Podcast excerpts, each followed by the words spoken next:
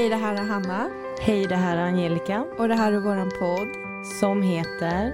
Under livet. Hej Hanna. Hej. Hej. Eh, jag känner mig lite så här i chock för att jag har precis hällt Coca-Cola över min dator på vägen hit.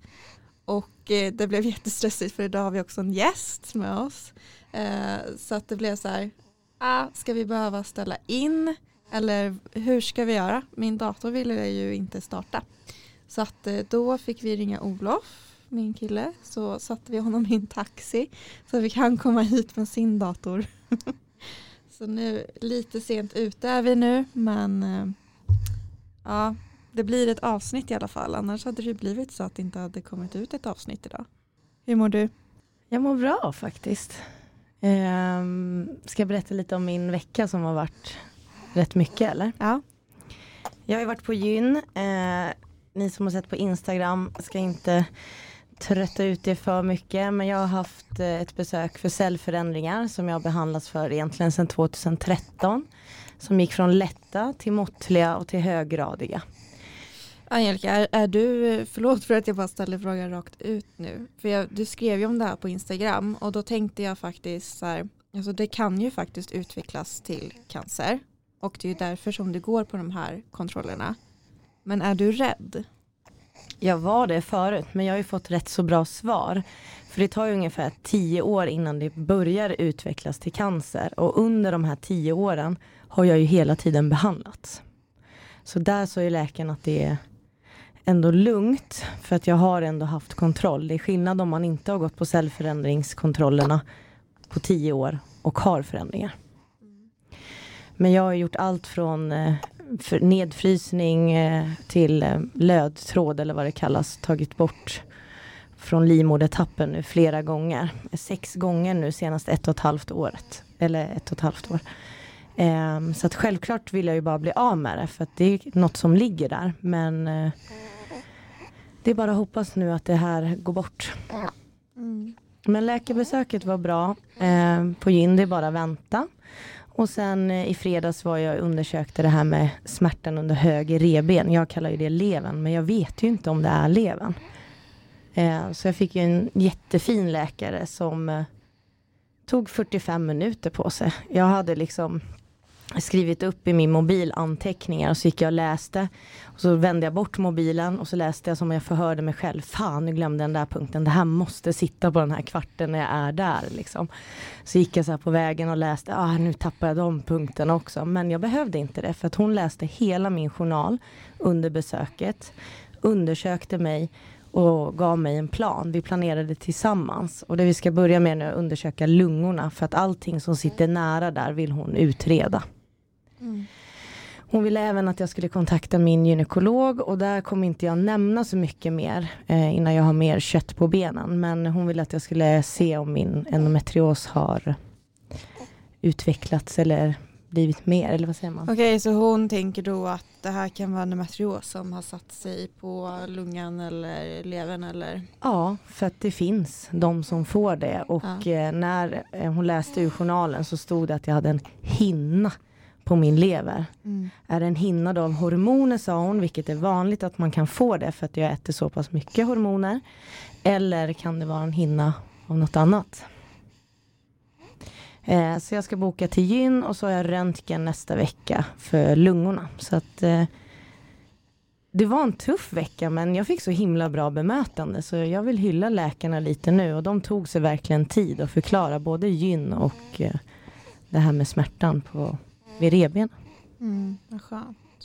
Eh, så att det har varit min vecka, fått de här två läkarbesöken och bara... Du har ju provat infraröd bastu också. Ja just det, ja, den har jag ju redan spoilat lite här och försökt få med dig. Men det var ju en sjuk upplevelse, alltså riktigt sjuk upplevelse. Jag är ju sån här som Ja, jag vet att yoga ger mig kanske gott men jag är en sån här Jag måste bara ge mig fan på att testa saker innan jag tror på det. Mm. Men det här var helt, det var typ 69 grader varmt men det var inte varmt utan det var varmt i kroppen. Det var liksom inte svårt att andas för att det var varmt i bastun. Utan kroppen började svettas. Jag fick som kristaller på hela min kropp.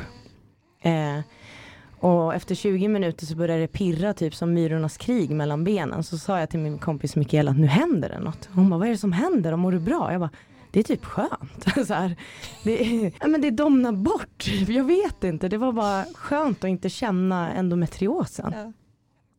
Mm. Men pirret var ju också skönt, men det var inte skönt på det sättet. Men det var någonting som hände.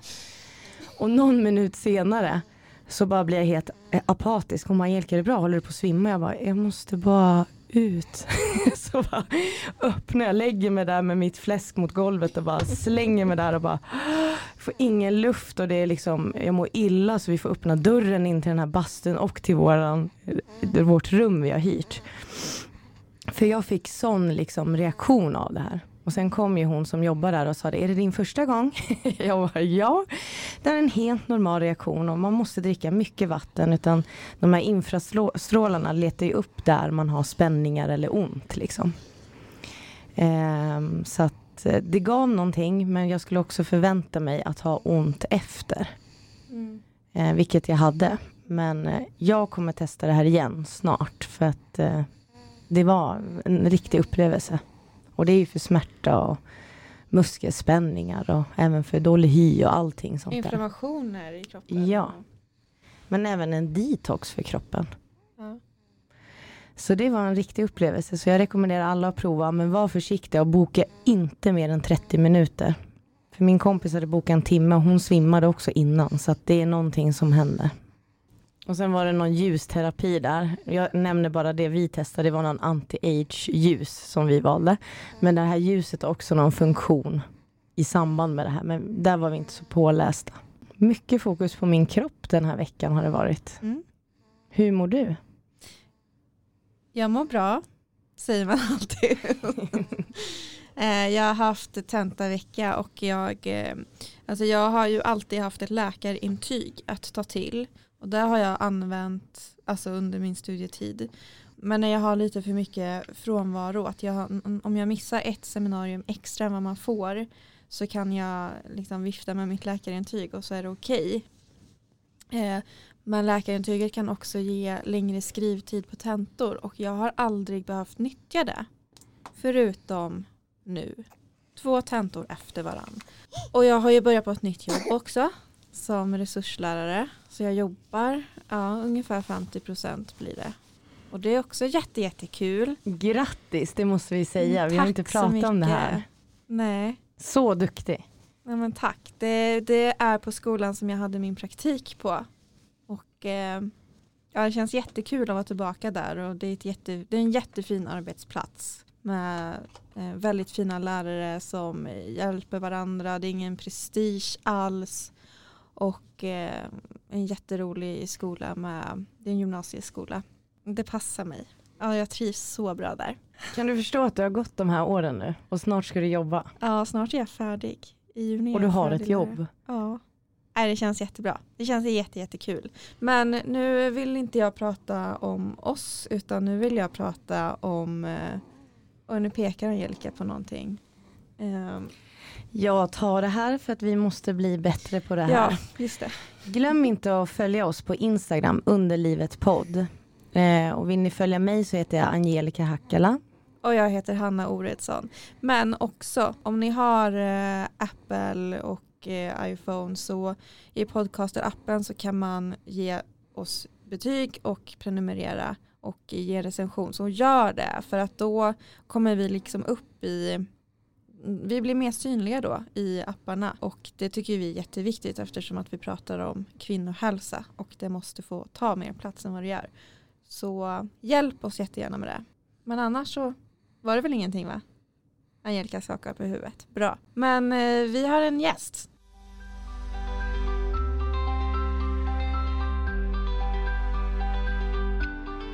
Hej Julia! Hej! Hej! Hej! Och du, du kom ju inte ensam hit. Nej. Vem har du med dig? Jag har med mig min eh, sex eh, veckor gamla eller unga bebis Maj-Lis. Hon är så gullig. Ja hon är gullig och nu sover hon. Ja. Det är jätteskönt när bebisen sover. kan jag säga. Ja, Angel, äh, Angelica, Julia har ju suttit här eh, i bakgrunden och ammat. Så Mm. Mm. Men jag tror att det hördes lite grann. Ja, hon nös ju en gång där Ja. när, du, när du pratade. Men det är bara mysigt. Och nu när hon andas, det låter så mysigt. Ja. Jag vet. Jag önskar ni kunde höra det.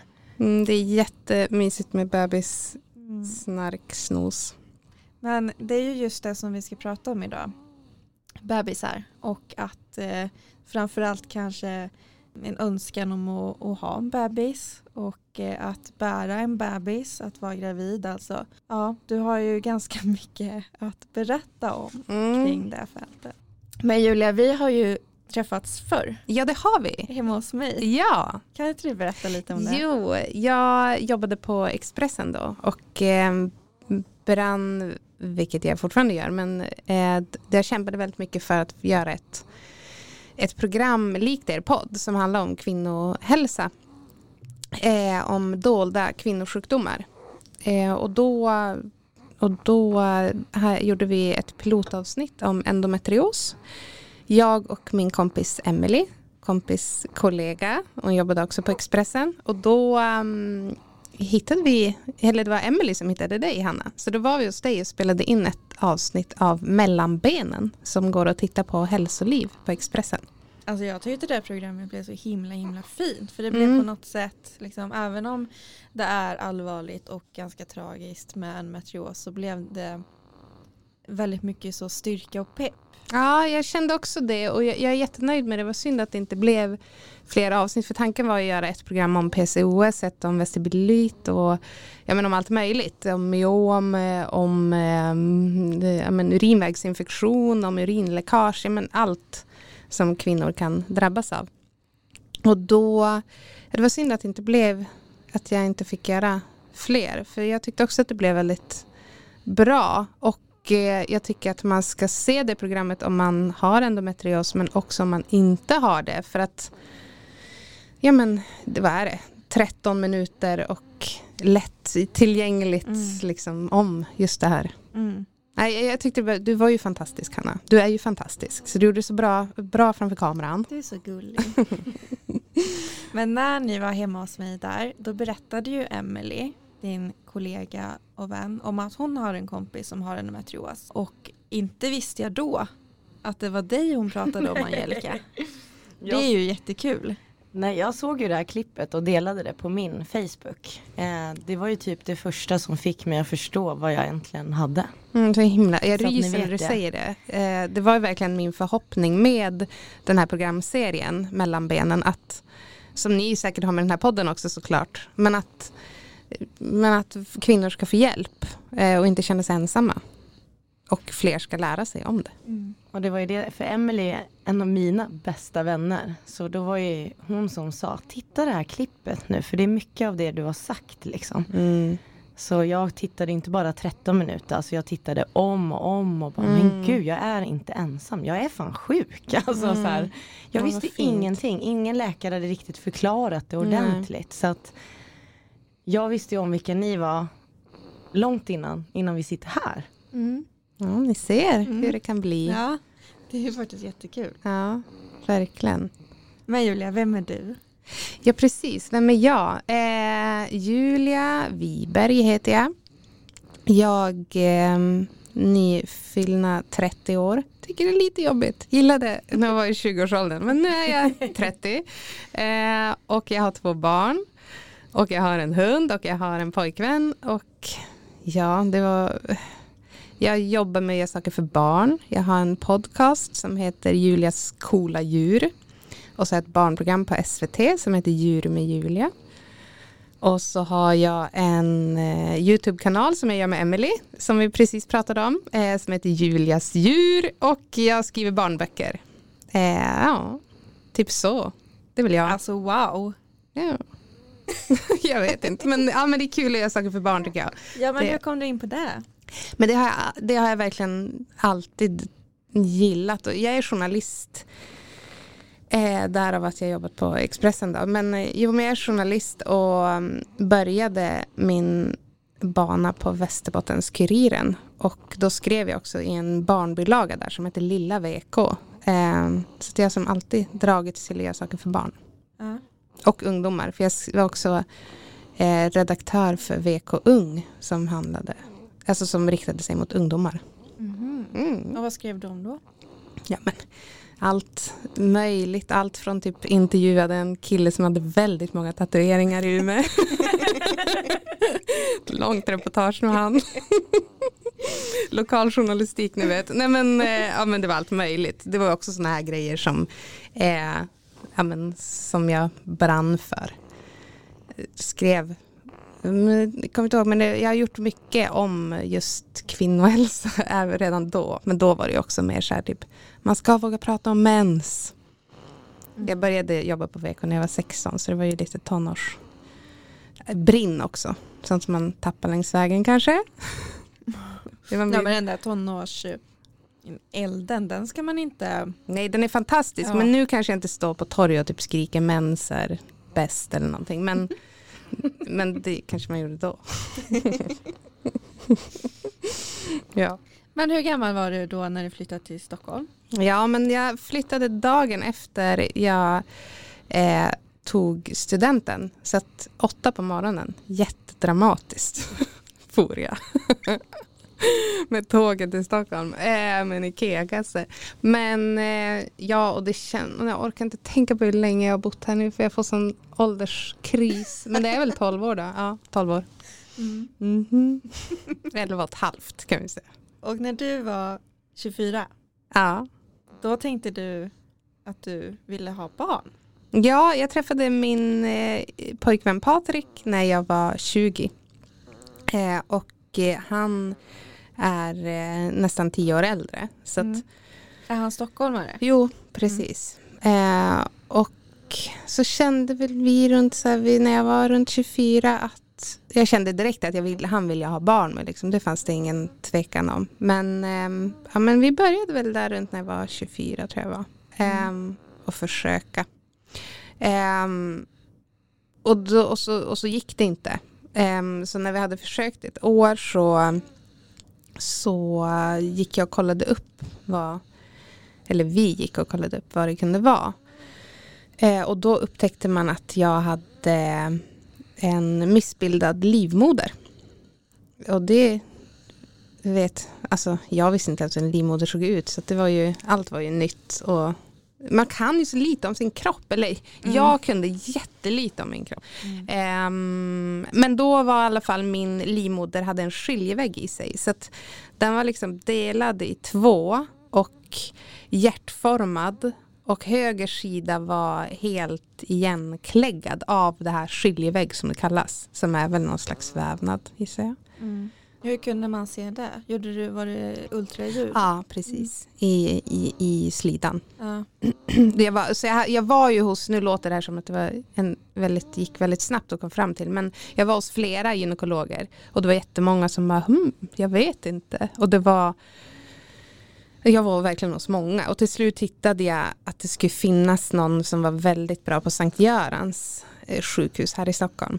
Ehm, Maria Boe tror hon hette. Och då eh, hamnade jag hos henne och då var det väldigt ni vet när man hamnar rätt. När det är någon som kan. Då var det ju väldigt enkelt att hon sa, ja ah, men du har en skiljevägg, det här. Hon ritade upp en livmoder, så här ska en livmoder se ut, så här ser din ut. Och jag fick se ultraljudsbilderna och allting. Så att, och hon sa att du måste operera det här, annars kommer du inte kunna bli gravid. Och om du skulle mot förmodan bli gravid, för inget ägg kunde liksom fästa på min livmoder. Om så hade det blivit missfall för att bebisen hade inte kunnat växa för det var för mycket klägg. Men det här missbildade livmoder, hur får man det då? Alltså, är- Ja, det förklarade hon faktiskt. När man är, ett, alltså när man är i magen och liksom bildas så ska allting, allting är liksom spegelvänt och ska eh, gå ihop. Alltså, eh, hela kroppen är liksom spegelvänd om man tänker på det med ögon och näsborrar och allting. Så att allt det där ska liksom pusslas ihop. Och då kan det bli så att när, då blev det ju förmodligen så att när min livmoder skulle pusslas ihop så hände väl någonting. Eller alltså det, sånt kan ju hända. Mm. Jag ska inte blamea min mamma nu men vad gjorde du? då tog hon en cigg och då blev det så här. Nej men något eh, hände väl i den, det pusslet som gjorde att den inte blir, den blev liksom inte ihop, eh, den blev inte som ett ägg som livmodern ska se ut som, som ett hönsägg utan den blev ett hjärta och någon slags skiljevägg då. Men det här har du inte känt av på något vis? Du har inte haft smärta som har... Nej. Nej. Men vad tänkte du? Liksom, vad, vilka tankar gick runt i huvudet när du fick reda på det här?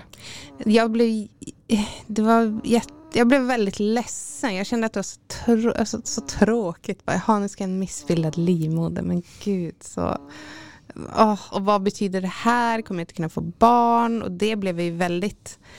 Och när jag googlade det så fanns det så otroligt lite information om det. Det gör det nu också, gissar jag. Men alltså det var, för, för det är väldigt, det är ganska ovanligt. Hjärtformad livmoder är ju vanligt. Men just så med mycket skiljevägg och sånt där som jag hade, det är ganska ovanligt. Ehm, nej men jo men det var läskigt. Jag var så rädd jag inte skulle kunna bli, bli med barn. Mm. Men då är det alltså för att kunna bli med barn, om man har en missbildad livmoder, då måste man opereras. Mm, de behövde, då fick jag operationstid och då gick de in, eh, det var en operation genom slidan då eh, och jag sövdes ner. För de visste inte hur omfattande det skulle bli. Ehm, och då tog de bort skiljeväggen och tog bort allt det här klägget. Så de gick liksom in i livmodern och rensade den. Mm. Eh, och då gick den från att vara väldigt hjärtformad till att inte vara lika hjärtformad. För jag antar att den hade liksom typ spänts ner på något vis. Om ni förstår, om ni Mm. tänker er ett hönsägg som man drar någonting i mitten ner. Ehm, och så var jag på återbesök och det, det såg bra ut men det var inte helt bra. Det var fortfarande massa kvar, alltså vävnad. Så då fick jag opereras en gång till. Ja, Ja, ja och det var, ju, det var ju också stressigt för då kände jag också så här, men gud. Ja, alltså hela den här tiden vill man ju bara att det ska bli bra. Ja men Ehm, precis och då, då tar det ju också så himla mycket längre tid för dig att eventuellt bli gravid. mm, ja, gud ja. Att Verkligen. Klockan går ju. Ja, precis. Eh, och så är det inte så, det är väldigt onajs att bli opererad. Ja men såklart. Att eh, och så ska man ju läka. Och... Ja, precis. Nej, men och då upptäckte de också att jag hade en skiljevägg i slidan. Så slidan var liksom delad i två. Och det har jag, eh, det har jag känt av. Eh, du frågade om jag hade känt av livmodern och sådär. För att eh, hela mitt liv när jag har haft tampong och ska dra ut tampongen så har jag känt att den fastnar, alltså i kanten. Och, det- ja, och det har gjort ont, att jag har ryckt till. Ja, ni kan ju tänka er. Så att jag har alltid inte föredragit tampong. Ehm, och- Men du har aldrig reflekterat över? Nej men det är ju sånt där man tror att så här har alla det. Eller jag har typ petat in den fel eller ni, ni förstår. Mm. Alltså att, eh, det är en sån svår grej att säga. Så här, när ni drar ut tampongen brukar den fastna. Alltså, det, det känns, jag vet inte, jag hade aldrig sagt det till någon. Mm. Och det kan ni ju göra ibland också, så Ja, jag det förstår kan- att man inte Nej. reflekterar.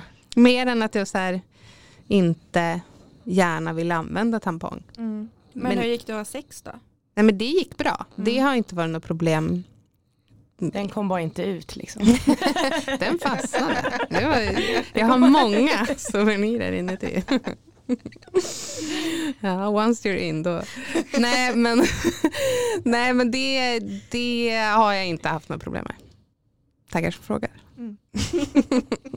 Eh, Men just det här, två operationer. Mm. Hur upplevde du bemötande? Hade du ett bra stöd av vården hela tiden? Så Ja. du, hade, du blev uppföljd, du kände dig liksom Ja, de, sedd hela tiden. verkligen. De var, när jag hittade rätt eh, där på Sankt Göran så var de jätte, jättebra. Det var, det var verkligen, och jag fick operationstid snabbt. Det var inget att jag behövde vänta ett halvår eller någonting.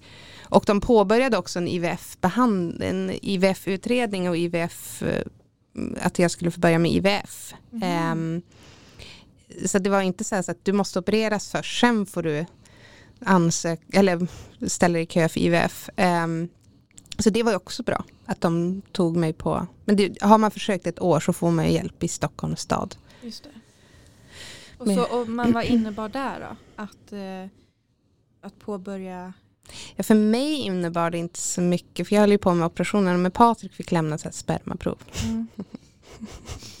är det som man tänker sig att man går in på ett rum och jag tyckte jättesynd om honom. Jag tyckte typ mer synd om honom än om mig. Men det kändes så, men tänk er själv, att gå in i ett rum där det är en receptionist och det sitter massa andra kvinnor om vi skulle ha gjort det, så ska ni gå in och komma. Prestera också på... Ja, men så. Nej, men. Ja, men det är konstigt. Nej men det, det är, jätte, jag tyckte så synd. Ja. men det fick han göra. Um, så, men sen hade vi inplanerat att första, eh, första IVF-behandlingen hade vi inplanerat, nu ska jag tänka så jag säger rätt, 2017, nej, 2018 i januari. Ja, så måste det vara. Men då, nyårsafton mellan 2017 och 2018, på nyårsafton, då tog jag gravtestet, då var jag gravid. Så att, eh, jag behövde, då fick jag avboka IVF. Hur kändes det? Ja men det var jätte jag blev jätteglad. Mm. Verkligen. Jätte, jätteglad. Eh, för att, nej men ja, alltså hela den vägen, alla operationer, så alla läkare som hade sagt sig förbereda på att du kanske inte kan få barn. Det var en läkare som började prata om surrogatmödraskap. Var det är olagligt i Sverige men vissa ser det som ett alternativ. Det var ju väldigt svårt för en 24, 25, 26-åring att hantera. Ja men såklart. Och eh, innan vi börjar spela in här så pratar vi också om det här med att man inte pratar om hur svårt det kan vara att bli gravid. Mm. Och, ja exakt. Eh, och sen när man blir det och nu kommer vi gå in mer på det här ju men att man blir gravid och sen att man inte mår så bra i sin graviditet. Mm. Och att man då ska gå runt och känna sig tacksam för att man har blivit gravid mm. efter en lång tids kamp. Liksom. Att det blir som ett slags dilemma. Ja det blev det verkligen. För att, eh, då lyckades jag ju bli gravid och det var ju jättekul. Men så väldigt snabbt så började ju krämporna komma. Eh, och det var jag inte det var jag inte beredd på. Verkligen inte. Eh, det började med, med foglossning. Och det är så fruktansvärt. För det, det är liksom att bäckenet eh, bäckenet ska ju gå isär för att under de här nio månaderna för, alltså, luckras upp för att man ska kunna få ut ett barn. Då. Um, och då får en av fem kvinnor under graviditeten får foglossning någon gång. I vissa får det kanske bara en vecka, sen försvinner det. Så får man det behöver man inte få panik och tänka att det här ska vara hela tiden. Men jag fick det väldigt tidigt. Jag fick det redan i vecka ja men vad var det, 17 typ. Och in i kaklet. Och det var fruktansvärt för man blir så rörelsehindrad. Man kan, det är som att någon går och hugger en med en kniv i blygdbenet samtidigt som någon sågar en i höfterna. Och eh, ni vet den här om man typ slår ben mot metall. Den, ja, det gör så. Det gjorde så ont varenda steg. Man kan inte böja sig. Det är så svårt att berätta för folk som inte har upplevt det. Mm. För det syns ju inte, eller det måste ju ni veta som endometrios. Och den är ju så jobbig när man har saker som inte syns. Mm. Man hellre bryter en arm. Så att ja, folk ser. Så, ja, Oj, du har... att man mm. faktiskt går runt och har ont. Mm. Ja, för när du spelade in det här programmet hos mig, då var ju du gravid. Mm. Det var ju den här graviditeten. Mm, exakt. Hur mådde du då? Nej, men dåligt. Det var ju eh, alltså under alla kläder så är ju foglossningsbälte som drar ihop liksom. Mm.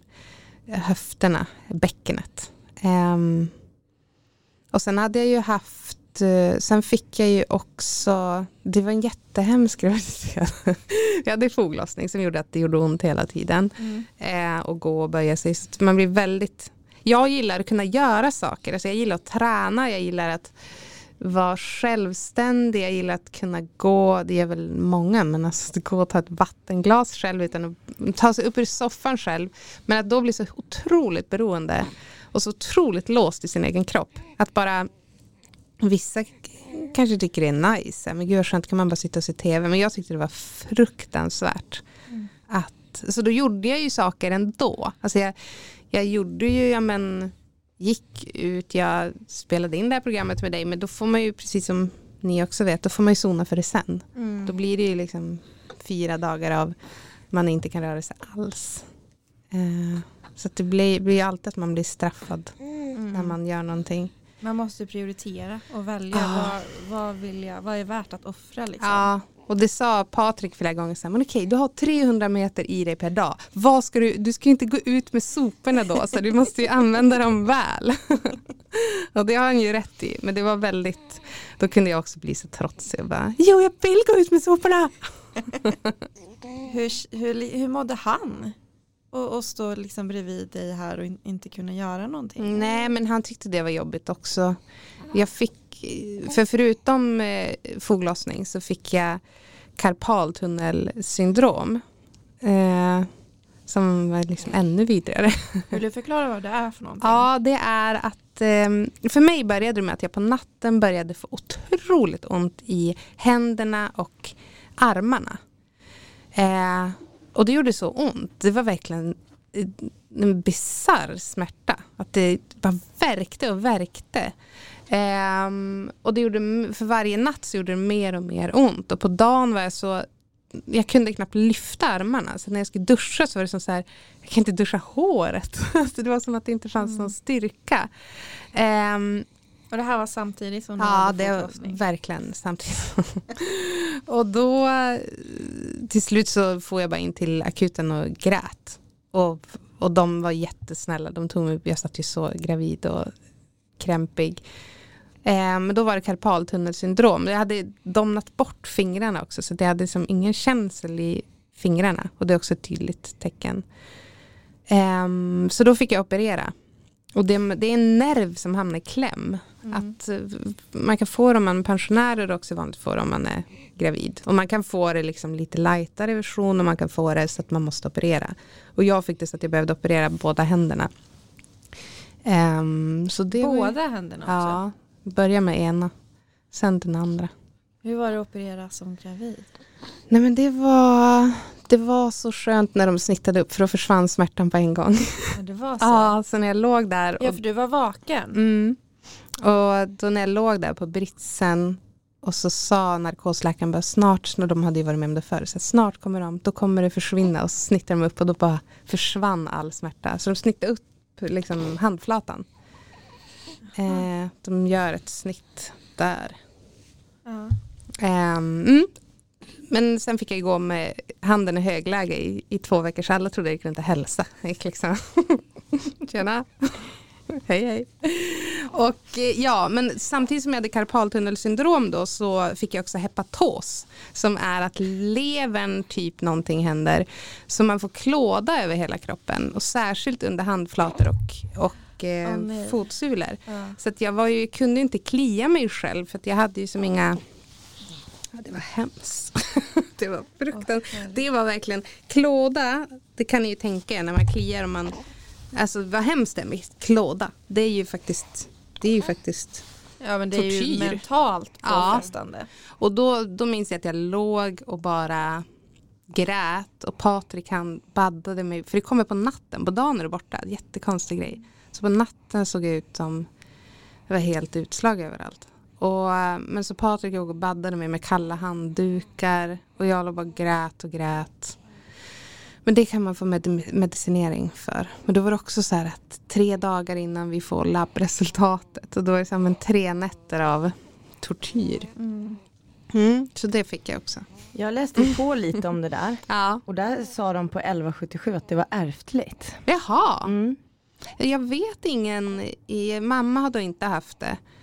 Och inte min, nej jag vet ingen. Men det kanske är, Nej men det var ju bara Ja. allmänt. Och Ja. sen att den är också, för att tillägga vad du har varit med om, mycket ovanlig sa det också. ja den är det. Det är bra, för den önskar jag verkligen inte ens Jo men Donald Trump kan väl få lite hepatos då. Men annars nej. Men det står här också att barnet kan bli påverkat om du har för mycket gallsyra i blodet. Mm.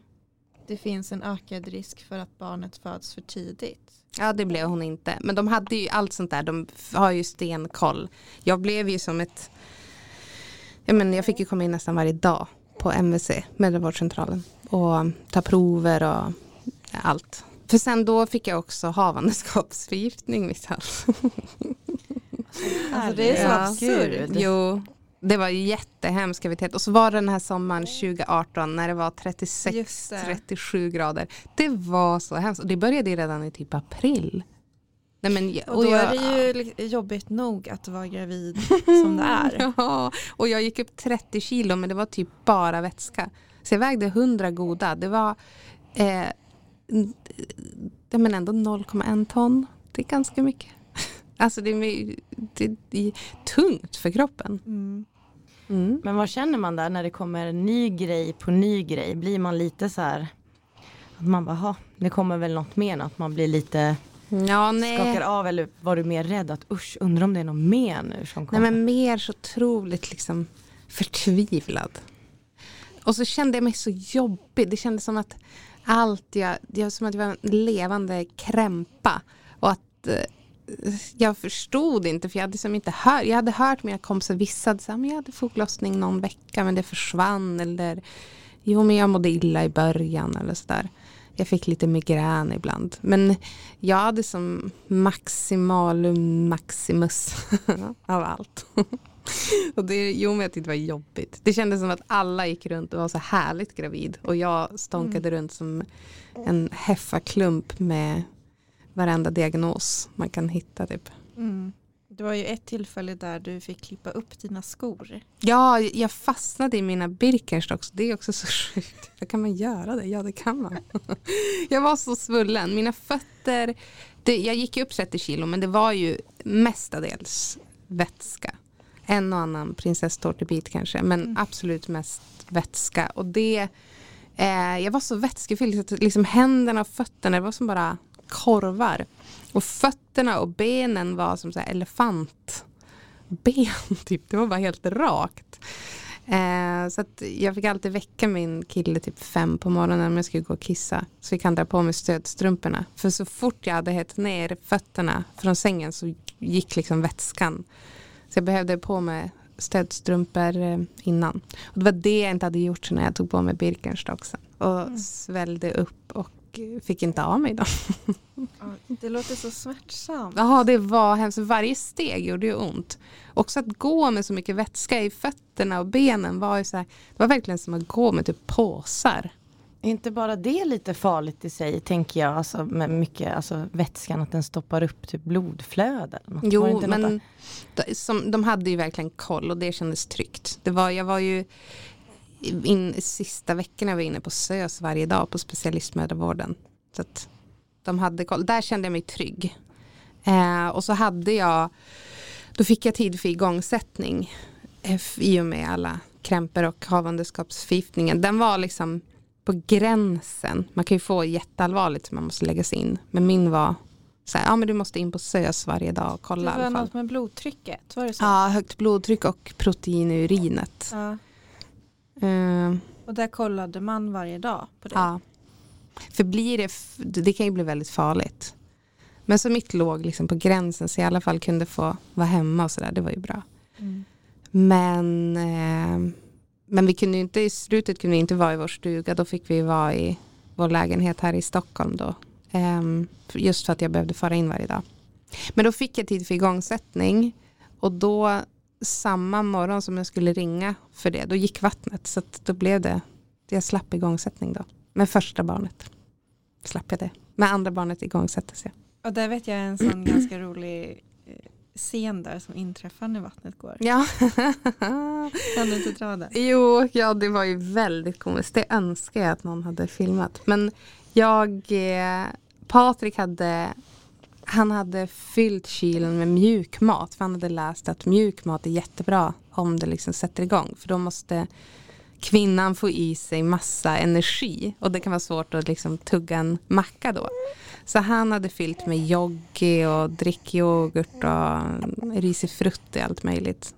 Eh, och då, går, då står jag och tar en verk mot soffan och står och liksom så här, "Åh", så låter djurisk. Och då springer han mot mig och snubblar. Han håller i en drickyoghurt som han har öppnat. Och så snubblar han på mattan och spiller den över hela mig. Och samtidigt som detta sker så går vattnet. Så känner jag bara klick och det går. Och då skriker jag så här, vattnet gick och så böjer han sig fram och bara nej nej nej Julia det var bara jag som spillde en drickyoghurt. alltså, men jag känner skillnaden. så jag hade drickyoghurt över hela huvudet och ryggen och eh, fostervatten hela mellanbenen. Ja. Det var, ja men det var ju så otrolig timing. Men kunde du skratta åt det här allt absurda som hände? Eller hur mådde du mentalt? Jo men jag tror att jag kanske är lite så som person att jag kan bryta ihop och sen så här, ja det blir bra. Typ. Mm. Mm. Så att jo, då bröt jag ihop, alltså jag grät ju enorma tårar men jag Jo men det var ju också en något slags snart är det över. Mm. Jag såg ett slut ändå att allt här kommer igen då. Det är gravidkrämpor. Förhoppningsvis försvinner det. Mm. Alltså förmodligen gör det det. Foglossning kan ju fortsätta. Men eh, det, det försvann verkligen så fort hon var född. Mm, sjukt. Och hur mådde du första tiden? När hon var född? Mm. Men jättebra. Mm. För att jag slapp alla. Jag var så glad att slippa. Jag var jätteglad att hon var här. Eh, och att jag slapp vara gravid. Så jag min, jag, det är jobbiga stunder med barn, absolut. Men jag föredrar det 700 miljoner gånger om att vara gravid. Alltså, såklart, det är därför man är gravid, för att man vill ha barn. Men, men jag har inget att jag romantiserar graviditeter. Jag får faktiskt ont i kroppen när jag ser en gravid kvinna. För att jag får så här, ah. Men det är för att jag hade så ont. Mm. Jag, och sen vet, jag vill ju verkligen inte, det känns som att jag är ett preventivmedel som går runt och bara, det är hemskt att vara gravid. Men eh, det här behövs, det är ju det vanliga är att man inte har så ont.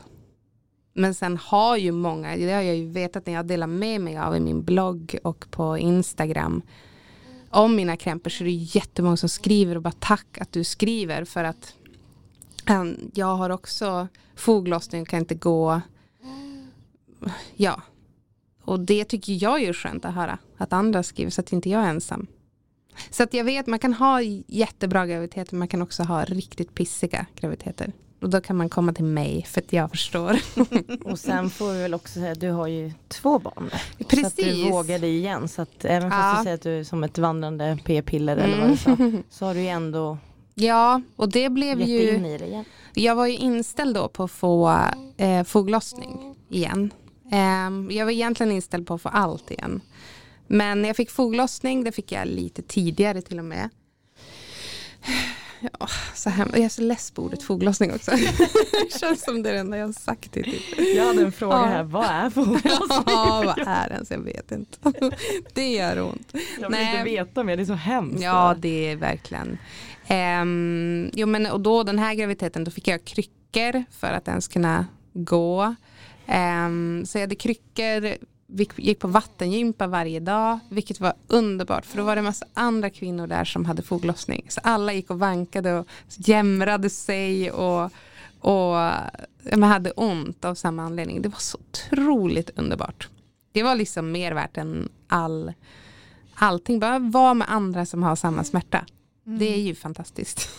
Att man, ja, det är, det, det, ja, underbart. Älskar. Men under den här tiden, det här var ju nu under coronarestriktionerna, mm, eller hur? Mm. Men du kunde gå på vattenbad? Ja, det var ju på Rosenlund Rehab, så det var ju liksom sjuk, eh, sjukvård. Eh, så de stängde inte de bassängerna. Så jo, det gick jag på varje dag med pensionärer varannan dag och med andra foglossningskompisar. Så att jag fick ju verkligen hjälp. Men det är ju så sorgligt för det är ju, har man foglossning ska man verkligen bo i en storstad. Alltså, man kan ju inte, flera som har skrivit till mig som bor typ i, det var en som skrev som bor i Gällivare. Hon, eh, hon sa att de inte ens vet vad det är i vården där. Eh, och hon frågar mig, så har du någon tips? Och mitt tips är ju vattengympa, för det är fantastiskt för då kan man röra sig utan att ha ont. Så har man inte vattengympa och det inte är en pandemi där alla badhus har stängt så kan man ju gå till ett badhus och bara vara smärtfri. Men det man kan göra då på de här vattengympa som jag gick på det var ju också bygga upp muskler för att lindra. För annars sitter man ju bara förtvinad på något vis. Men då kunde jag ju träna i vatten. Ehm, med en fysioterapeut som visar vad man gör då. Ehm, men det, jo men det är ju så hemskt för att ehm, man ska verkligen bo i typ Stockholm om man har foglossning. Det är så sjukt. Nej, men det är jätte, Och det, en av fem kvinnor har det. Ja, det är hemskt. Man blir så arg. Ja, jag blir tokig på sånt här. Jag blir verkligen... Ja, det är så sjukt. För det, det, också att det bara finns saker som lindrar. Det finns ingenting som är att... Eh, men, det finns liksom inget botemedel. Så när man går till vården så får man liksom en lista med saker som lindrar. Gå inte i trappor. Eh, plocka inte ur diskmaskinen. Att de här böjningarna. Dammsug inte. Eh, gå inte längre än eh, du känner att din kropp klarar av och typ vänta ut tiden. Men det är så sjukt för att och så är det ju i stort sett med varenda gravidkrämpa om man inte får något lyckosamt där man kan operera det som karpaltunneln. Men med det här som heter, som jag inte kommer ihåg vad det heter, men när man är väldigt illamående hela graviditeten. Just det. Mm, det heter något hyper... Ja, precis. Jag har inte haft det så jag har inte lärt mig det ordet. Nej, men Nour El Ferraj Ja, hade väl det. exakt. Eh, och det tänker jag att det är något som vi kan prata mer om. Det-. Ja, det tycker jag ni ska göra. För det verkar väldigt många lida av. Jag har hört jättemånga, och vissa har det kanske inte hela graviditeten men under en lång period. Men där finns det ju inte heller någon hjälp. Till slut kan man ju bli inlagd med dropp typ. Men, men det är så sjukt med alla de här, ja, jag blir tokig på alla kvinnor så fort det handlar om kvinnan, det är helt sjukt egentligen. Foglossning, det är väl klart att det går att hitta en lösning mer än att ett bälte eller kryckor eller inte plocka i diskmaskinen. Det borde finnas typ en spruta, ett piller, en eh, sluta ät semlor så försvinner eller någonting. Alltså det, det enda som krävs är mer forskning. Mm. Men det är typ ingen som forskar på det. För gud vad ointressant det handlar om kvinnor. Mm. Mm. Alltså det alltså, man Och kan så- bli så arg över att Ja. det fortfarande är så här. Och så många är gravida, alltså av kvinnor väljer att skaffa barn så att hallå hjälp oss. Jo, men det är det där. Man ska bara vara glad och tacksam och eh, du har, vilket under du är en gravid. Det blir liksom så här Madonna-komplex att bara vara bara glad. Du ska, du ska vara så himla tacksam. Och det är man ju. Jag, är sju, jag älskar mina barn så otroligt mycket. Jag är så otroligt glad att jag kunde få dem. Men satinen, vilken väg dit. Alltså, den är ju inte skön. Ja men det ena behöver ju inte utesluta det andra. Nej. Så enkelt är det ju. Nej, men det, ja, det är f- f- f- fruktansvärt. Får jag fråga lite frågor? Ja, då, det är Om bara den fråga. andra graviditeten, Mm. då har jag två frågor och jag har inte skrivit upp dem så jag säger dem nu så Mhm. jag inte glömmer dem.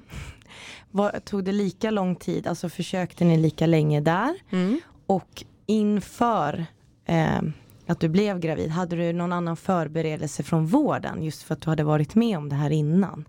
Att Just det. Ja, lite sådär. Eh, jo, det, bo, vi visste att vi ville ha fler barn, eh, till barn. Em, så vi började försöka ganska omgående för vi var så inställda på att det skulle ta lång tid. Och det gjorde det. Det tog ett år att bli gravid. Så det var, nu är det två år och fyra månader mellan mina. Och det är jag ju glad att det tog ett år. Annars hade vi haft ett år och fyra månader. Det hade varit jättemycket. Och det hade varit ännu svettigare när jag satt här nu. Och dyrt med Birkenstock också. Ja men exakt. Nej men eh, så det blev ju bra. Det blev väldigt bra. Jag, det, men det tog, det tog ett år. Det gjorde det. Men hur är det att gå igenom? Jag tänker att, så här, att man blir bara som en maskin. Mm, ja, ja verkligen. Det blir ju inte de här eh, det blir inte som man föreställer sig. Att så här, Inte så romantiskt. under en semester i Toscana så hände det. Det är ju inte det. det. Alltså, Norma blev ju till att vi skulle till eh, några kompisar på middag och Patrik bara, ska vi inte då? Och jag bara, men jag orkar inte. Och han bara, ja, men vi gör det bara snabbt och så var det lite, jag bara okej. Alltså den, där hamnar man ju till slut. Mm. Ehm, Inte bara såklart, men när man vet att, vi har ägg, alltså att jag hade ägglossning och sådär. Så då så blev hon till. Så romantiskt var det. Men sen vad sa du mer Angelica? Du sa ehm, Förberedelse från vården tänkte jag eftersom att du faktiskt hade en sån här hemskt jobbig kom, eh, graviditet. Nej, det var det väl inget. Men vi pratade ju om det jag och barnmorskan när jag, kom, när jag skrev in mig. Och hon visste, jag, jag gick till samma barnmorska för jag ville ha någon som förstod. Som, och då frågade jag ju rakt ut, så här, men kommer, är det, om jag haft sån här foglossning, är det stor risk att jag kommer få det igen? Och då sa hon, ja det är det. Och det fick jag ju. Men det var ju ganska skönt att höra men det var ju jäkligt jobbigt också. Det, hon bara, det behöver inte ske men det skedde ju. Ehm, Men det finns ingenting man kan göra för att förhindra. nej, ja, det finns det ju säkert men det är ingen forskning på det Nej. så att vi vet inte. det kanske det finns. Alltså, det, kanske, det är det, sådana grejer som hade varit bra att veta. Att typ personer med den här blodgruppen har större risk att, eller ja, men precis som med corona nu, att man vet mer och mer och mer och mer. Mm. Tänk om man hade vetat mer och mer och mer kring foglossning. Mm. För jag var i gymmet då på Rosenlund rehab och stod, eller satt och cyklade. För cykla kan man göra när man har foglossning. Det är av, så jag cyklade överallt. Om jag ville ta mig någonstans så cyklade jag. Det gör inte ont i bäckenet. Så det var jättebra. kanske gör för någon men för mig gjorde det inte det. Och då satt jag där på gymmet och cyklade. och då var det en annan kvinna där som var eh, ja, men 20 år äldre än vad jag är. Och så frågade hon va, varför jag var där. Och så sa jag det, nej men jag har foglossning. Hon såg att jag var gravid också. Och då sa hon, men gud det hade jag också med mina. Så började hon berätta om det. Och så sa hon, mina barn är 16 och 18 nu. Eh, är det fortfarande så att du får, du ska inte plocka ur diskmaskinen. Du går på vattengympa, du får ett litet bälte, kanske kryckor. Jag bara, ja, hon bara, inget annat. Jag bara, nej. Och det var ju så här, det är så mycket har hänt på 19 år. Och hon bara skakade på huvudet. Hon bara, ja, jag är inte förvånad. Och det kändes ju så sjukt att höra också. För kan inte kommit längre, måste man ju göra. Men jag som inte har barn, alltså jag blir helt chockad här när jag sitter och lyssnar. Alltså på 20 år har det inte Ja. hänt någonting. Nada. Det var ju, hon skrattade ju. Det var ju verkligen så här. Jaha, ja, jag satt också i det här gymmet. Hon, satt, eh, hon bara, jag var precis i det här gymmet och satt och cyklade och var på vattengympa. Ja. Jag tänker att om man är forskare så måste det ju vara skitbra att forska i, i kvinnosaker eftersom att det finns så himla mycket att upptäcka. ja. Man kan ju verkligen bidra till Ja. forskningen där. Herregud Jag ja. förstår inte varför det inte är intressant. Nej, men det, det, nej, jag förstår verkligen inte heller. Jag kan verkligen inte förstå det. Nej, Det är så konstigt. Mm. Men sen så fick du ju diabetes också. ja. ja, det var ju hemskt. Nej, men då fick jag med, nu när jag var gravid nu senast då. ehm, då fick jag, jag slapp karpaltunnelsyndrom och hepatos. Så det var jag ju jätteglad över. För det var verkligen inte kul. Eh, foglossning fick jag ju och snäppet värre. Ehm, sen fick jag även graviddiabetes. Och det hade jag inte heller hört talas om. Och det var jättetråkigt för då fick jag inte äta några vita kolhydrater, inget socker, inga mejeri, inga mejeriprodukter. Och det var ju, Herregud, ja, men det, vilken var, misär. ja, men det var hemskt. Ja. Det var verkligen hemskt. Och, och jag, fick läd, jag fick ta blodsockret varje dag, sticka mig själv i fingret tio gånger per dag. Innan måltid, efter måltid. Ehm, och mäta blodsockret. Och ja, men det var ju bara typ så här morötter, linser, quinoa. Men, min barnmorska hon bara, men ha alltid en quinoa-sallad i kylen redo när du blir sugen. Man bara, men jag kommer inte vara sugen på en quinoa-sallad, det kan jag berätta. Och idag lär du inte vara det heller. Nej, men nu har jag ätit verkligen en semla om dagen sen, sen hon kom ut ur mig. Eh, Men fuskade du någonting?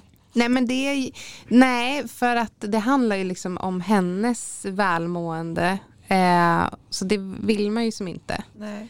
Nej, vad, vad, är, alltså, vad, är, vad är det man riskerar? Och... Ja, det som är att hon kan få liksom blodsockerkomplikationer när hon kommer ut och hon kan bli mycket större så det kan ju också bli en komplikation för mig när jag ska förlösa henne. Nu föder jag stora barn för jag kommer från en släkt med stora barn. Så att Norma vägde 4,3 och då hade jag ju inte graviddiabetes. Och Maj-Lis vägde också 4,3. Så att, eh, men hon hade kanske vägt mer om inte jag kost, om inte jag ändrade kosten helt då, till en väldigt, ja. ja. Det är väldigt stort för vi pratar faktiskt på jobb om det här med mm. hur mycket barn väger. Mm. Och bara för att tillägga, det är väldigt mycket. Ja, det är, det är väldigt, jag vägde också 4,3, min lillebror vägde 5. Så att det, ja, jag kommer jätten från Täfte liksom. Ja, men, har ni alltså, här. Så att alla vet, det är väldigt mycket för rekordet i Sverige, nu vet jag för jag har mm. faktiskt kollat upp det i veckan. Ja. Det var 6,7. Oj, I Sverige? Ja. 2017 eller vad det var. Kejsarsnitt eller? Ja såklart. Mm. Och sen världsrekordet i Guinness var 8,7. Det är dubbla mina barn då. Men, ja men det är det man ser ju. Så här, jag såg ju min mammagrupp när jag var, som jag hade med Norma då, min första. Att uh, hon var ju som en förstoring av alla. För annars, det vanliga är ju att barn väger liksom 3,1, 3,2 ska ju flickor väga typ. Och Norma var ju så verkligen som en förstoring. Hon låg liksom en Buddha bredvid. Men det är ju, eh, så barnen kan bli mycket större. Mina barn är, blir stora för att det är genetiskt. Liksom. Eh, det är ingenting som är onormalt. Ehm, de ligger ju ändå inom de där kurvorna som är okej. Okay, säga. Men eh, de vill ju ändå, ja men graviddiabetes, det man kan göra är att en, antingen använda insulin men min diabetes var inte så allvarlig att jag behövde göra det utan jag kunde bara kostreglera. Um, men det är därför man mäter med blodsocker varje dag. För att skulle det vara så att blodsockret var dåligt hade jag behövt ha insulin då. Ta det varje dag. Men det släpp jag. Det var ju skönt. Och det heter ju graviddiabetes. Försvinner det alltså sen? Ja. Alltså så fort barnet är fött. Så sjukt. Ja. Så det är jätte det är någonting, man får liksom svårt att reglera blodsockret. Och det får man redan som gravid. Då har man liksom ändrat blodsocker. Men har man gravi, graviditetsdiabetes då blir det ännu svårare. Och eh, behandlar man inte det, då kan det bli att barnet blir för stort, att den får blodsockerproblem och ja, det är sådana komplikationer. Så de hade ju koll efter förlossningen också på hennes blodsocker och på mitt. Men det var bra. Mm.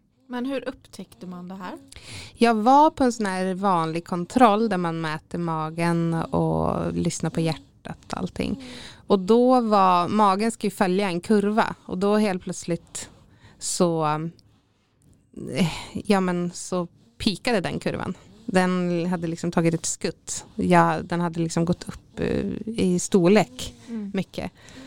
Eh, och det ska den inte göra, den ska följa sin kurva. Och det kan den göra om barnet ligger på något särskilt sätt. Men då kallade hon in andra barnmorskor som kände. Och då var hon så ja ah, men jag tror att du måste i alla fall göra en blodsocker. Eh, kommer jag inte ihåg vad det heter. Men man får en sockerbelastning. Man får dricka sockerlag.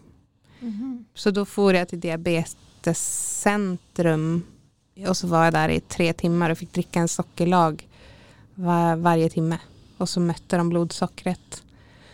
Och sen fick jag svar efter några dagar och då hade jag det. Och det var tråkigt att få. Ja, innan jul. Ja, jag fyllde 30 24 november. Och eh, sen var ju julen då hela. Hon föddes, ska vi säga, 4 januari. Nej, när föddes hon? 5 januari föddes hon. 2021. Så det var ju hela min födelsedag och eh, julen.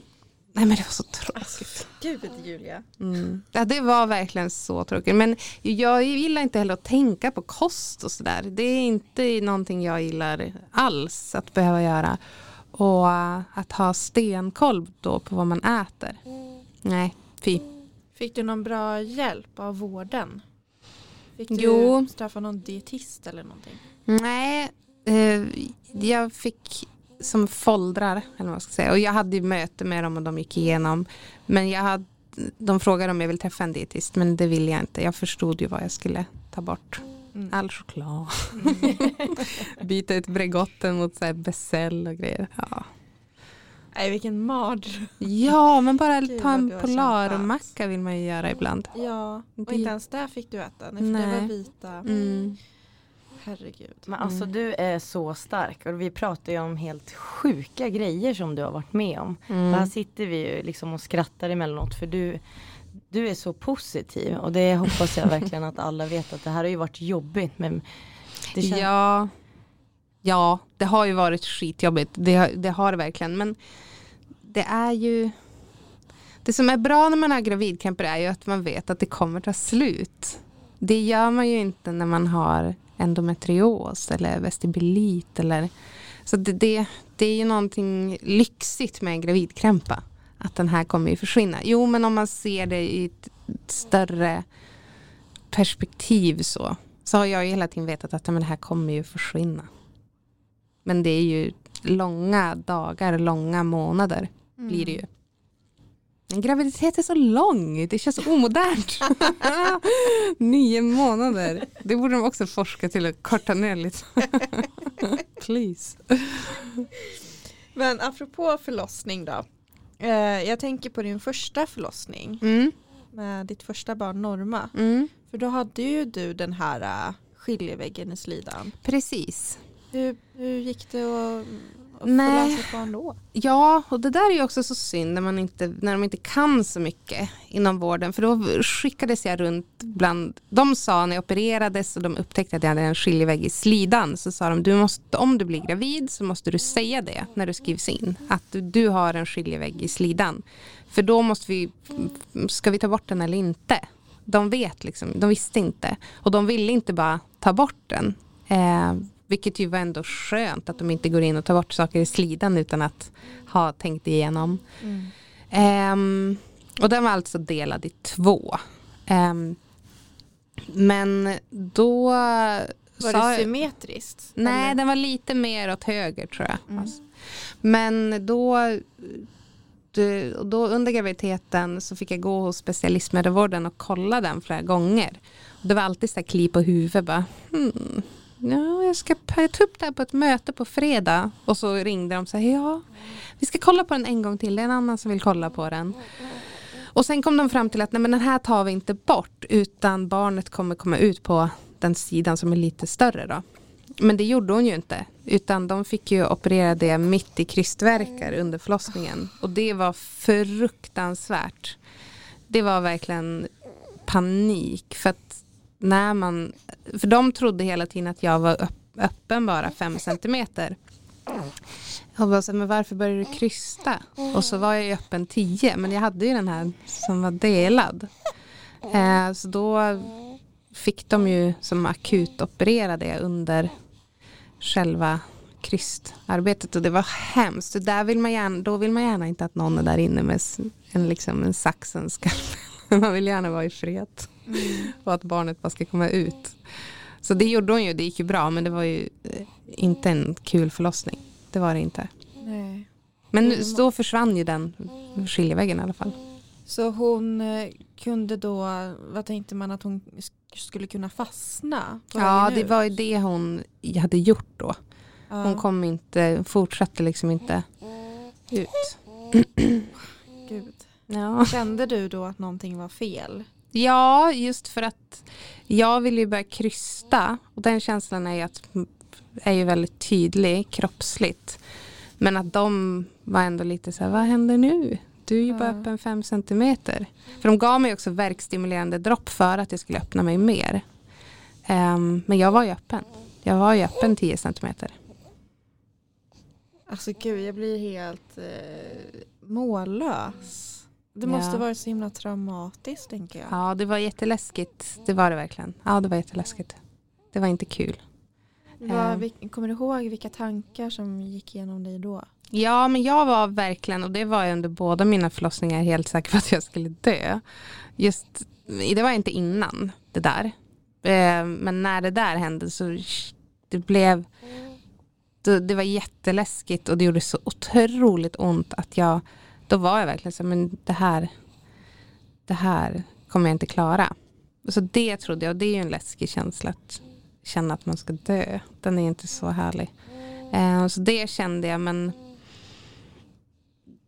det här pågick ju under kanske 20-25 minuter. Sen var det löst och sen kunde jag liksom krysta ut henne. Men det var ju läskiga, det var ju långa minuter då. Var det ju. Och vad gjorde Patrik? Eh, jo men han var fantastisk. Han trodde väl inte att jag skulle dö. Eh, det trodde han inte. Han såg att läkare och överläkare var inne och att det var liksom under kontroll. Men han tyckte ju synd om mig för att det var ju han såg att det inte var så skön upplevelse. Mm. Var du rädd inför din andra förlossning? Nej, det var jag inte för att jag kände att men nu är den här skiljeväggen borta. Mm. Så att nu kan ju inte, det kan ju inte hända. Sen var jag så normal nervös som jag tror alla är inför att man ska det är ju någon känsla när man är gravid att när man närmar sig så känner man men gud jag kan verkligen inte hoppa av det här tåget. Jag måste liksom genomföra en förlossning. Och den, den är väldigt svindlande. Um, så att på det sättet var jag nervös men inte att jag inte skulle klara det eller att det här skulle hända igen. Mm. Och hur gick den andra förlossningen? För du sa precis att du kände båda förlossningarna att du Mm. var på att dö. Nej, den var ännu värre. ja, för att äh, jag är så jag låter som jag hittar på, men allt är sant. Jag har en journal. Eh, men eh, jo, då, blev jag ju, då fick jag tid för igångsättning i och med att jag hade den här diabetesen. Så jag fick inte gå över tiden. Med risk att hon skulle bli för stor och då blir det komplikationer för henne och för min snippa helt enkelt. Alltså, de vill inte att barnen ska vara över 4,5 för då ökar ja, massa risker. Och det är ju jättebra att de har koll på sånt. Så då fick jag tid för igångsättning 4 januari då. Um, och då kan man göra det på olika sätt men jag fick igångsättningsshottar av någon slags medicin. Um, tog, man får ta max åtta sådana shottar och jag tog eh, tre, sen började det. Och en vanlig förlossning, eller ja, men en förlossning, det man lär sig och det man liksom förbereder sig det är att varje verk så ska man ta, så är det som en kulle man ska över. Man får ju verkar då och då att eh, det stegrar, blir mer intensivt och intensivt och sen gör det jätteont och sen dalar det. Och så får man andningspaus och sen kommer en till sån här kulle och man lär sig innan om man går kurser så här, föda utan rädsla, att man mentalt så här, ser, men snart är jag över den toppen och då blir det bättre. Sen får jag tid för återhämtning och andas. Och sen kommer en ny sån här verk som jag ska liksom klara. Men det jag då Eh, drabbades av var en som jag inte visste då, hade aldrig hört talas om, men det var en stormförlossning heter det. Och det som händer då är att det inte blir de här pauserna. Det blir liksom inte en, det blir inte de här kullarna, utan det blir en, eh, en trapp. Eh, så det bara blir värre och värre och värre och värre och värre och det blir inte en, en enda paus. Så det började klockan fem och vid halv sex började det bli, började det här att det inte blev någon paus. Och så föddes hon eh, två minuter i åtta. Så i två och en halv timme hade jag en konstant långverk. Och det var... Och då trodde jag också under tiden jag hade det, för jag kunde inte få fram ett ord för att det gjorde så ont. Det var ju den här maximala toppsmärtan. Och jag har ändå gått igenom en annan graviditet och förlossning så att jag vet ju att hur det ska vara. Och jag tänkte så här, men gud jag hittar på. Alltså det här, jag fick liksom inte ihop det och så hade jag så ont så jag inte kunde säga det till någon. Och allt jag ville var att få en paus, att jag kunde ta tag i dem och bara, ni måste hjälpa mig för att det går inte. Det här, alltså jag håller på att dö här och ni står bara på sidan om typ. Men de såg ju vad som hände också för att man kopplar ju upp, ehm, så de kan ju se verkarna. Och de såg att verkarna aldrig avtog. Eh, och det såg ju Patrik också. Innan har ju hans förra förlossningen så såg jag han och så här, men nu är det en paus, nu kommer det en verk och nu är den på max och sen nu. Um, men det var jättehemskt. För sen då öppnade jag mig från 5 cm till 10 cm på 9 minuter. Oj. Och sen kom hon ut som ett skott. Och det kan ju man så tro att så här var skönt med en snabb förlossning men det var verkligen inte det. Och det när jag skrev om det på min blogg, det, jag kände också ehm, um, bloggade på Mama, och då, och då var det så många som skrev så här, berätta om din förlossning och jag var så traumatiserad efter. Jag var, gick verkligen runt med typ ihålig blick och förstod inte vad jag hade varit med om. Um, men jag visste att det kallades stormförlossning för barnmorskan tog tag i mig precis efter när hon var född. Då tog hon sina händer runt mina kinder och så kollade intensivt in mig och bara Julia du har varit med om en stormförlossning. Då tror man att man ska dö. Det är fruktansvärt och vi ska gå igenom varenda sekund sen. Och det räddade mig totalt för att hon satte ord i hon sa liksom att du trodde att du skulle dö och det var precis vad jag trodde. Men jag kände mig så dum att inte klara av en förlossning typ. Um, men då i alla fall när jag skrev om det på min blogg, det kändes jättenervöst. Det var jag, men gud nu kommer jag här igen med problemen. och, eh, men då var det så jättemånga som hörde av sig och hade varit med om samma sak. Och det var flera som skrev, ja, men jag, det här var fem år sedan jag var med om, jag har inte kunnat prata om det. Jag, eh, jag gråter varje gång jag tänker på det. och Ja men att de har känt sig ensamma och känt också att de har hittat på. För det är ju inte det här man har lärt sig om en förlossning. Men är det vanligt att få det då? Den stormförlossningen? Nej.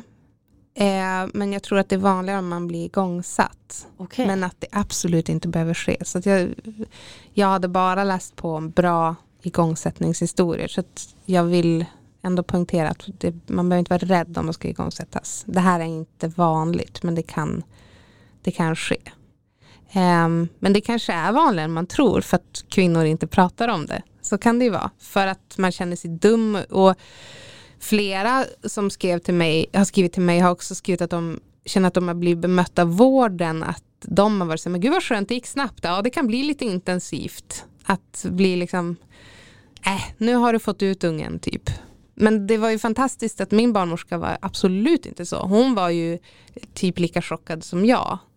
Och var ju så här, du, det där var fruktansvärt för dig. Också när jag låg inne sen på BB, alla barnmorskor som kom in i rummet, de kommer in lite då och då och tar sig prover och kollar att allt är bra. Alla de hade läst min journal så de kom också in med huvudet på sned och var så här, men så hemskt. Alltså så här, jag tycker så synd om dig, hur mår du? Och det var också så skönt för det man vill är ju bara att bli bekräftad att man inte hittar på. Mm. Så, att man, så att man tillåts vara ledsen över det. Ja, på något mm. vis. Hur känns det att prata om det nu då? Nej, men det är jobbigt tycker jag. Det är, nu är det så nära, det var ju bara sex veckor sedan. Um, jo, jag gråter ju än ja, över det. Alltså för det var verkligen i två och en halv timme tro att jag ska dö. Det var det också en som skrev till mig. Det är fantastiskt alla som har skrivit till mig. Det hjälper så himla mycket. Även mig men också andra som har läst kommentarsfältet på min blogg. Men det var en som skrev att det här är den närmsta, att ha en stormförlossning är den närmsta tortyr man kan komma i, i liksom freds, ett fredsland. Mm. Eh, och det är det verkligen. Det, det var så hemskt. Mm. Det var verkligen tortyr. Som att någon sliter isär en inombords och det, det är ingen smärtlindring, ingen, man, jag hann ju inte få någonting. Det var ju bara, jag låg ju som en fiolsträng och bara skrek. Usch vad hemskt. Mm. Ja. Så nu blir det inga fler barn. nu orkar jag inte. Jag tänkte fråga dig precis, vill ni ha flera barn? Nej nu, men, av många anledningar. Men jag känner att jag kan ju inte heller sitta och vara så otroligt handikappad. För jag kommer förmodligen få massa krämpor igen. Eh, och ha två barn. Eh, det går ju inte. Två barn och en hund. Det är ju som att ha tre barn. och, eh, jag, och jag vill inte vara med om det där igen. Skulle jag mot förmodan bli gravid igen då skulle jag ta kejsarsnitt på en sekund. Då skulle jag kämpa för det på jag skulle aldrig utsätta mig för det där igen. Mm. Så taskar jag inte mot mig själv. Eh, men om du skulle ge några sista kloka ord till de som lyssnar.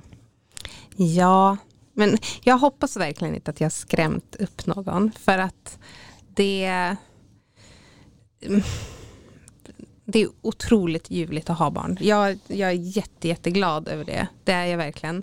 Men, och sen är det inte, det är inte vanligt att man får allt det här som jag har fått. Alltså verkligen allt. Se mig som något litet märkligt exempel på krämpor man kan få.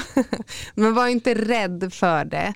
Eh, och eh, sen tror jag mycket generellt på att man inte ska gå och vara orolig för någonting man inte har.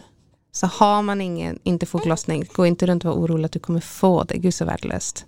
Eh, och får du foglossning, gå inte och tänka att det här kommer vara in i, i det sista och pågå jämt och bli värre och värre. För det behöver inte, det kan försvinna. Så att, mm, och det räddade väl mig lite också, att jag kanske tänkt så.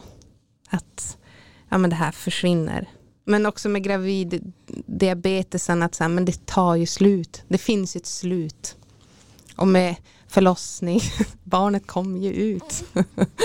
ja, jag vet inte, men tro inte att eh, allt jag har varit med om, att ni kommer vara med om det. Det vanligaste är ju att man ändå mår rätt okej. Okay. Gud vad min bebis bajsar nu. det bara sprakar i mitt knä. ja, det är värt det. Det, är ju, det blir ju så här, det låter ju så cheesy, men det är verkligen värt det. Så jag står och kan ändå gå idag, trots det här. Och så kan vi väl eh, eh, peppa er som är gravida eller har svårt för att bli gravida att faktiskt våga prata ja. om det jobbiga mm. i det. Det tycker jag. Mm. Ni kan hoppa in på min Instagram eller min blogg och prata med mig. Jag har varit med om det mesta. Vad heter du på Instagram? Julle Vibbe med W. Julia Wiberg, Julle Vibbe. Så pinsamt, jag måste byta namn.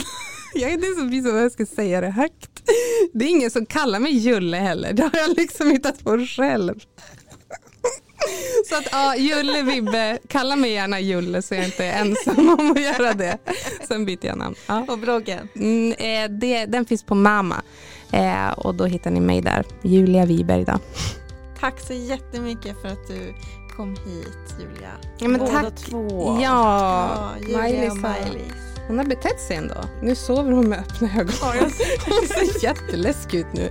Ja, men tack att jag fick vara med i er otroligt viktiga, fina podd. Tack, tack, tack.